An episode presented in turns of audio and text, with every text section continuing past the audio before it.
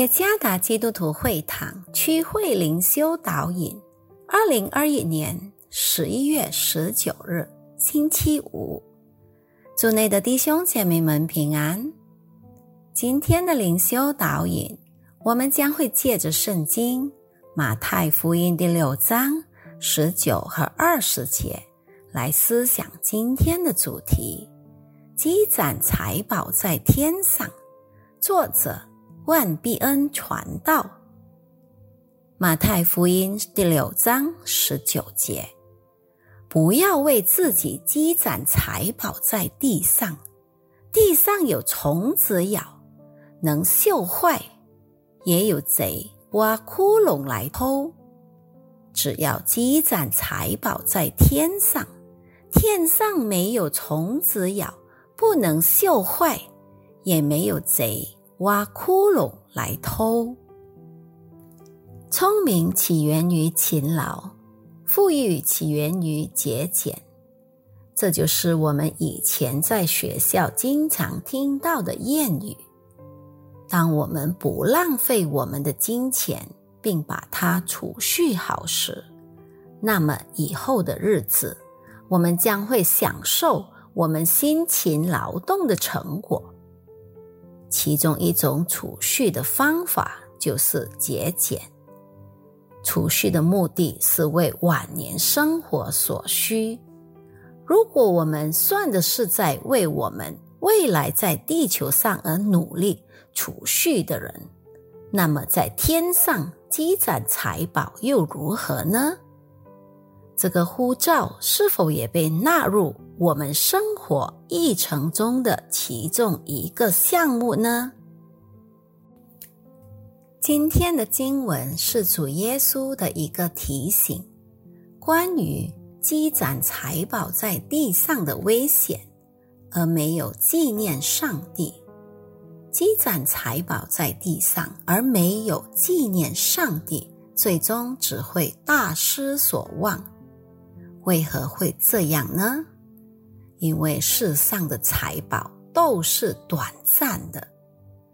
要是说我们能拥有丰满的财富，请切记，我们的生活也只不过是暂时的。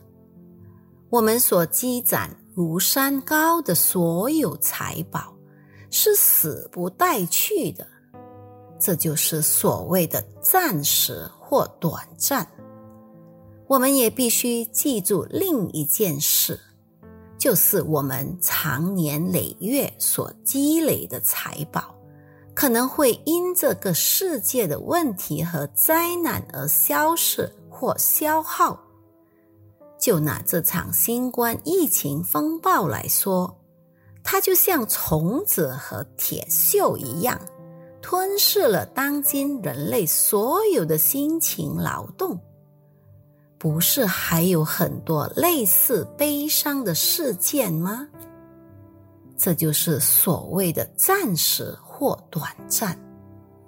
当人类依靠或依赖他们在世上所积攒的财宝，却没有纪念上帝，那么当他们觉悟到他们所积攒的所有财宝无法帮助他们时，他们就会感到。大失所望。积攒财宝在天上是上帝儿女人生的抉择。他是知道自己从哪儿来，以及要往哪儿去。我们必须知道，我们是从上帝而来的，也是属于上帝的。我们必须知道，我们将会到上帝的住处，那就是天父的家。因此，那些已经知道自己是属于上帝的人，他们的生活方式又是如何呢？那就是意识到我们所拥有的一切都是属于托付于我们的上帝的。那些已经知道自己正往着天父之家路上的人，他们的生活方式。又是如何呢？那就是意识到我们的生活就是为了悦纳在天上的父。